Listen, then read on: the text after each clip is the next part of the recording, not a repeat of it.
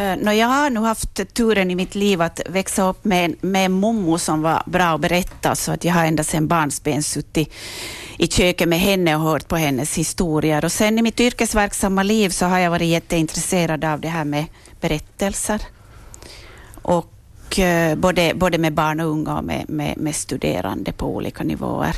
Jag tror att det är jätteviktigt att man i utbildningen lär sig också berättelser och jag tror att att berättande skulle vara bra för alla yrkeskårer. Mm. Jag nästan kan säga att jag har lite samma ingångsväg. Att jag brukar säga att jag hade en förmån i mitt jag har haft en förmån i mitt liv, för jag har fått växa upp med både farmor och farfar, mormor och mor, morfar, men också farmors mamma.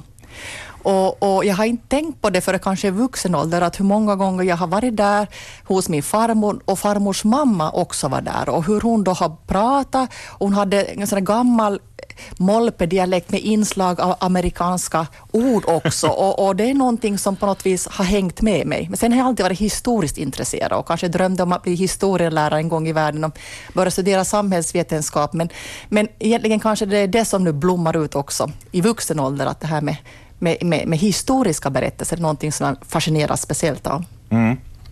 Hörrni, det här med själva ordet berättelse, så det har, om man vill lyssna med örat så det låter lite sådär gammaldags och trist. Men om man översätter det till engelska, story, så att allt, och hela, hela vår värld, hela vårt liv är ju, är ju stories, berättelser. Historier, antingen historiska eller pedagogiska eller vad som helst. Man, man kan förmedla kunskap och känslor och så vidare. Ja, det är ju just det där med, med, med känslor och kunskap i den, i den kombinationen. Att jag tror att det, det, det, det är där berättelsen har liksom sin sprängkraft. Men du har rätt i det där att berättelser låter tråkigt. Men det där lägereldarnas tid, vet ja, men, men, sagor. Men sagor är ju inte tråkiga. Nej, nej, nej men, men, men, men, berättelser, det låter mycket på något sätt eh, mediasexigt om man säger stories. Mm. Jo. Det är ju så att alla vi människor så bär ju på en, en osynlig ryggsäck.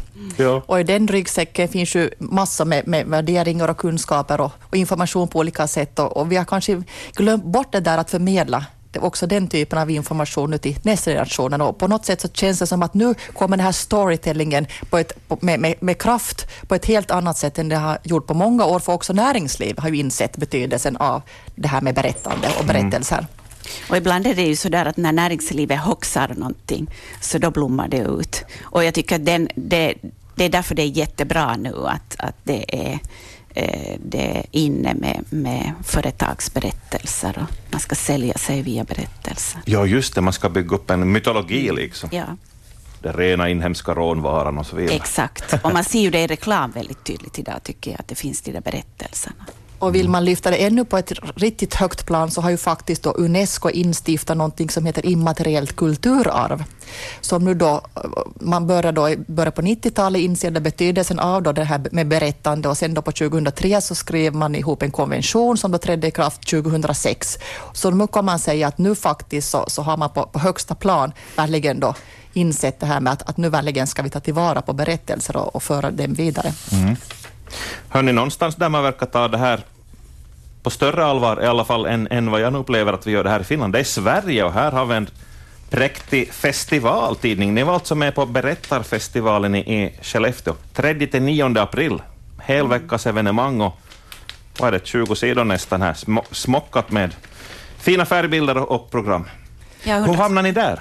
No, det var egentligen så att, att Ann-Sofie och jag var senaste år där och rekognoserade läget mm. och var helt höga av berättelser när vi var där och när vi kom därifrån. Ja. Och sen i år har vi då blivit inbjudna, en liten grupp för, från Kultur Österbotten, mm. Mm. till...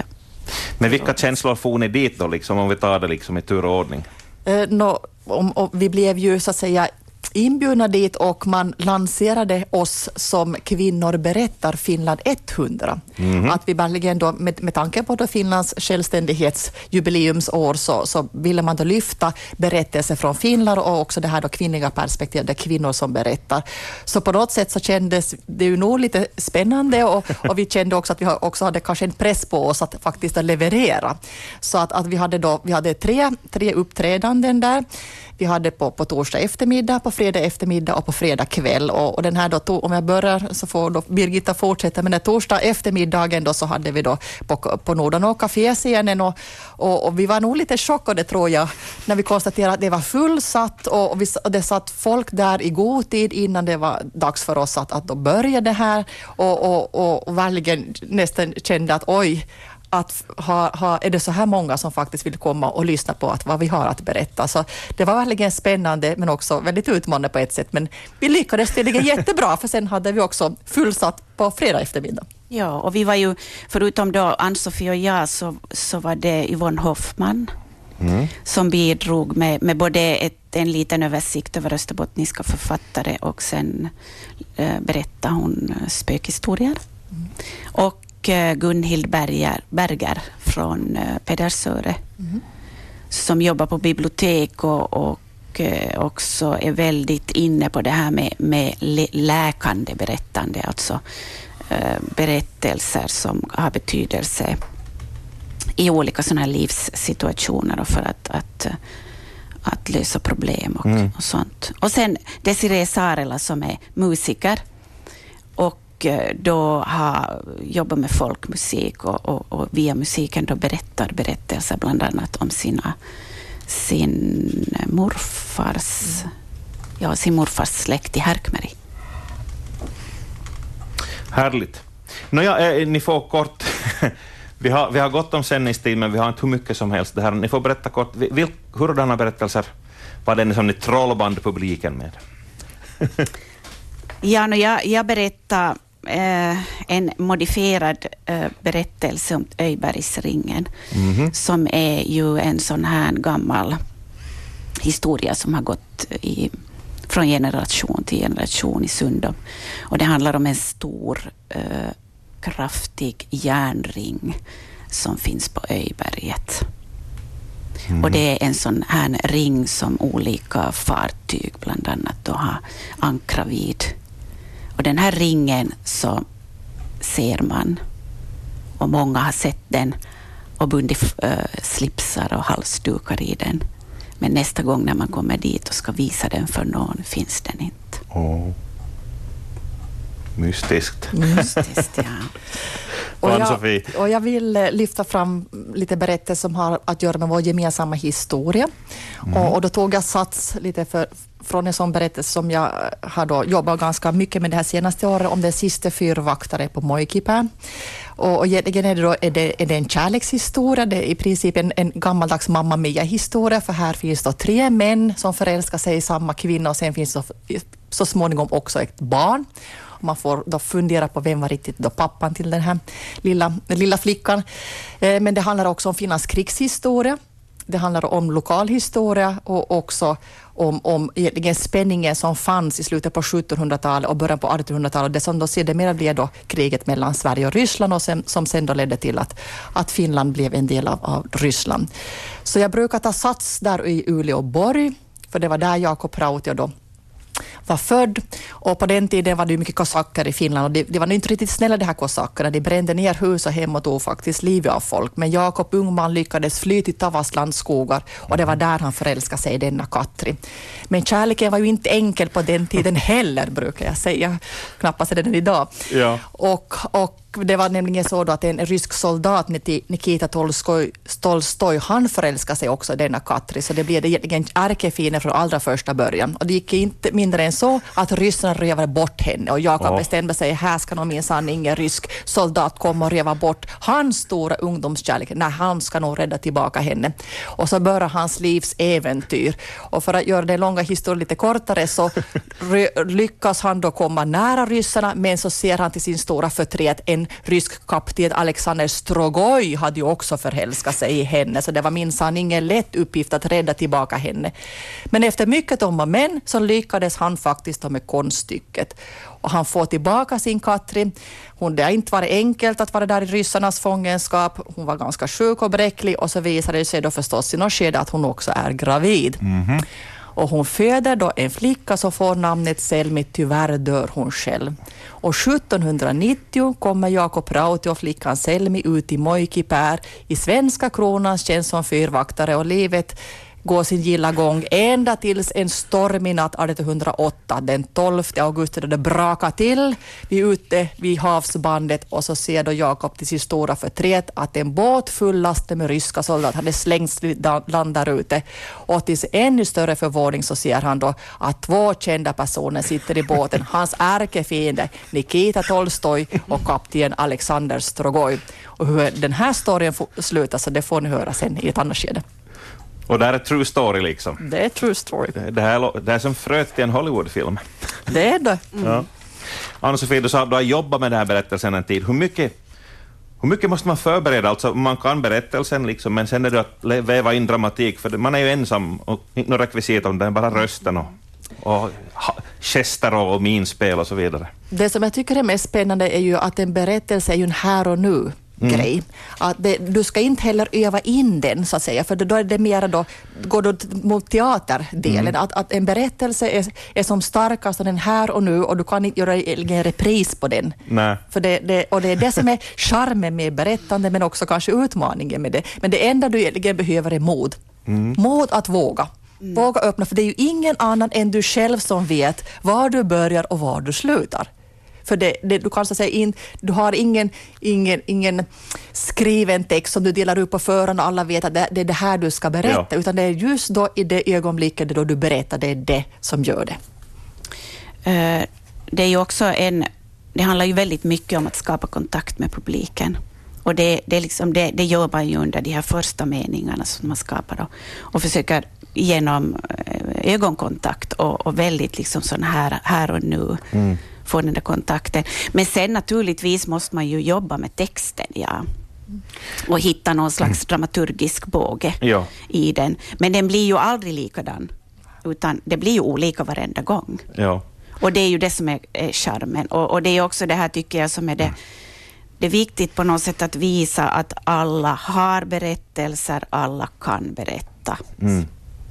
Och det som är roligt, ändå om jag får säga med den ja. här festivalen, är ju den att, att den, den sammanför både professionella och amatörer. Och alla har på något sätt samma värde. Mm.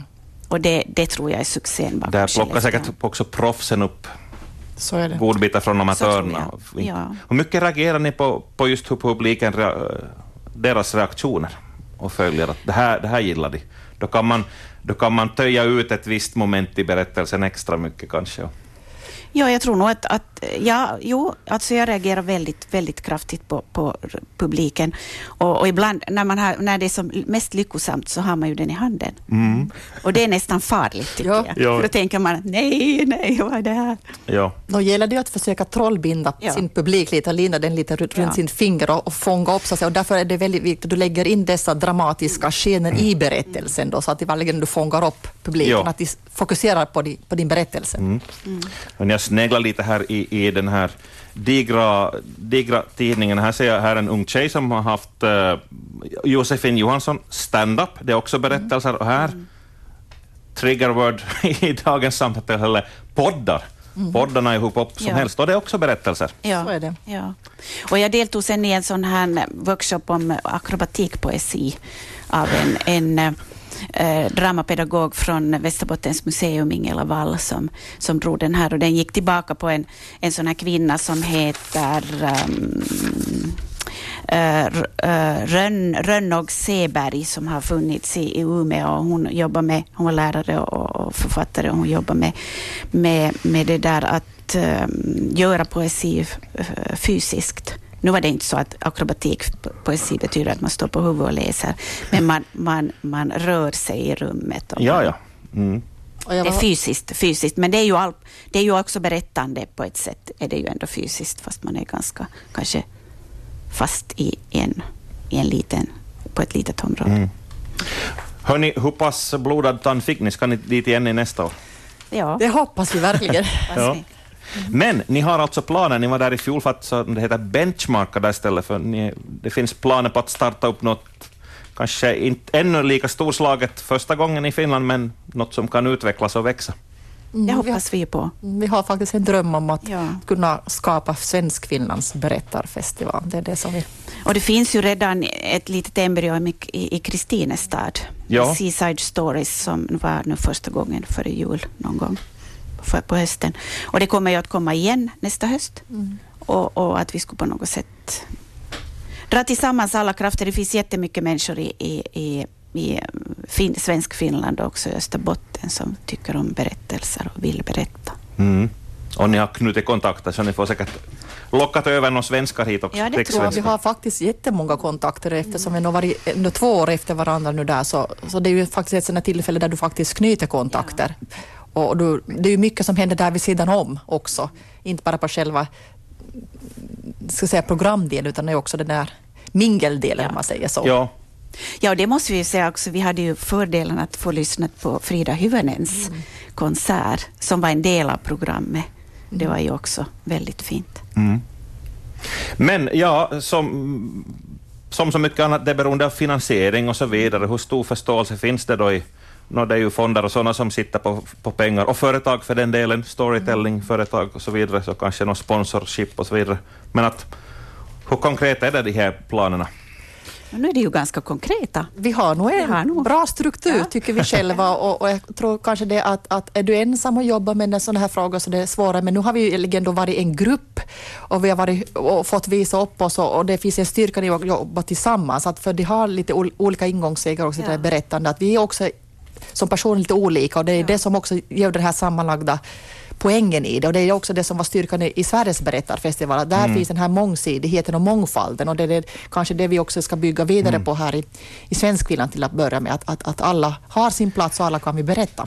Där har ni ledstjärnan. Ja, det är både det här från pedagogiskt, från näringslivet, från eh, författare, eh, singer-songwriters, scenkonst. Liksom det, mm. Vi går in ur, ur vi har kontakter på alla de här områdena. Finns det en tidtabell? Det fanns en tidtabell. Det, det kommer nya tider. Vi, får, vi, vi tar en ny tidtabell, ja. men, men, men det här, det, drömmen har vi inte gett upp på något Nej. sätt, utan, utan vi hoppas, hoppas på, på lite tilläggsfinansiering. Mm. Ja. Hej, vi håller kontakt och ser fram emot Tack. att få läsa programbladet för er festival. Det hoppas vi. Någon gång. Tack ska ni ha, Birgitta Snickars von Richt och Ann-Sofie Backren. Tack, tack. Tack ska du ha.